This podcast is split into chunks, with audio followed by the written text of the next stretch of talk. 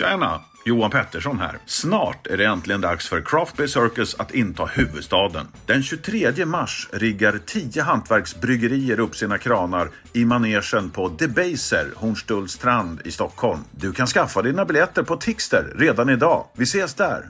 Tjena! Ölvärldens. Julkalender! Då var det dags för lucka nummer 19, Mikael. Nu är det inte många dagar kvar. Det nu man kan börja säga dagen före dagen före dagen före dagen före dagen före dagen före doppardagen? Eller? Typ. Ja, någonting sånt. Har du räknat rätt där eller? Eller du kanske räknar Jag samtidigt? chansade, jag ska lyssna på det i efterhand sen och se om jag satte den. Kanske jag gjorde det. Men, eh, Spontant lät det för, som för många, men ja. Ja, vi, vi, vi får se. Mm. Vi får se. Men nu har vi kommit till ett öl som jag tror i alla fall inte kommer sälja jättebra den 25 december och framåt om den står kvar på hyllorna. Om den nu inte är jättebra med tanke på att den står verkligen julöl med stora bokstäver på. Och, det vet vi hur känsligt det är här. Att man dricker bara julöl fram till julen. Mm. Sen är det liksom slut på det. Ja, fast Men- det, ja, man, man märker ju däremot att det är en hel del sådana här typer av små bryggeriers julöl är borta fram till jul. Tyvärr. Men, Mm. Ja, Så, så är det verkligen. Och eh, det är Stockholm Brewings och det är väldigt enkel etikett får man säga. Och det är eh, väldigt vacker etikett, Eh, inte enkel på det sättet, men det är verkligen en gammal, eh, ja vad är det Mikael, en typ vedbord nästan skulle man kunna, eller det är ju inte Ja. vedbord, det är en stuga med lite ved utanför och lite snö på taken och så står det julöl på den helt enkelt. Jag skulle gissa på att det är en bastu. Mm. Ja, bastu är det såklart. Ja, det måste vara en bastu. Ja. Det är därför man har laddat med ved på sidan om där så att man kan Ja, basta. det, det, det, det är inte Stockholm Brewings eh, bryggeri i alla fall som är på etiketten om vi säger så. Ja, Men det är nej, de den, som har- det, alltså, det, det är svårt att se. Du, det här var spännande. Eh, den var väldigt ljus i färgen. Den är inte ljus som en pilsner, men inte jättelångt därifrån skulle jag säga. Nej, det här är ju ja, det är halmgulaktigt, men alltså med en hint av en tunn koppar. Mm. eh, jag, jag vill inte dra mig mot bärnsten, för den är inte riktigt där liksom i färgen. Men ja, Nej, det är inte det. Det Verkligen inte. Men jag är lite nyfiken på vad du har för preferenser när du doftar på den. Att du skulle säga att det är för typ av öl. Åh. För jag tycker det är ganska svårt att dofta sig till vad det skulle kunna vara för något. nej, nu har man ju tappat den. Vi har haft några öl innan som doften har varit något helt annat än vad det är på i smaken. Så ska, Men det här skulle jag nog säga att detta är en lager i alla fall. Är jag ganska övertygad bara på doften.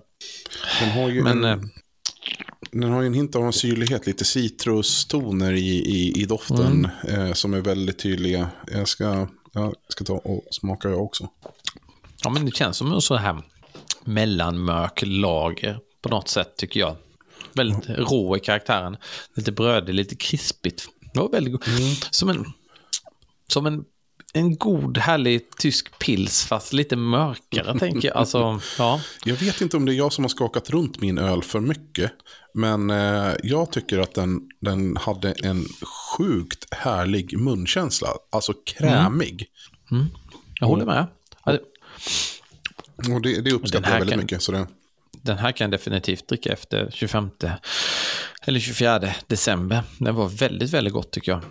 det var jättegott. Som du säger, mycket munkänsla och en snygg beska på slutet också som jag eh, uppskattade till och med. Ja, ni vet, jag har ju lite känsla mot beska, men det här tyckte jag var väldigt, väldigt gott. Ja, jag håller med. Det var, det var jättegott. Och, och eh, jag vet inte, jag, jag, får känslan av att det, det här är liksom att man har tagit fram en maltigare pilsner. Mm.